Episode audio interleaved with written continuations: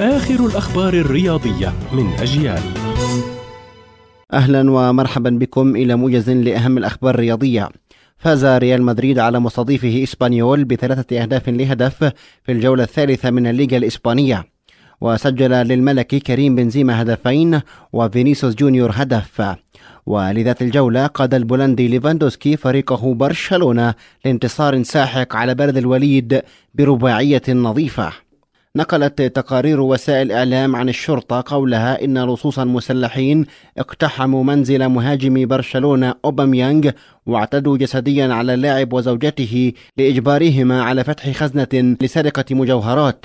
وقالت صحيفة البيس الإسبانية إن اللاعب وزوجته أصيبا بجروح طفيفة ولم يؤكد أوباميانغ أي تفاصيل عن السرقة. كشف نجم يوفنتوس والمنتخب الفرنسي بول بوجبا عن استهدافه من قبل عصابة منظمة وفي بيان نشره محاموه أعلن بوجبا أن السلطات في إيطاليا وفرنسا قد تم إبلاغهما بالأمر. وكان شقيق اللاعب ماتياس نشر فيديو مصور يهدد فيه فضح أخيه أمام العالم بأمور يفعلها بوجبا في الخفاء.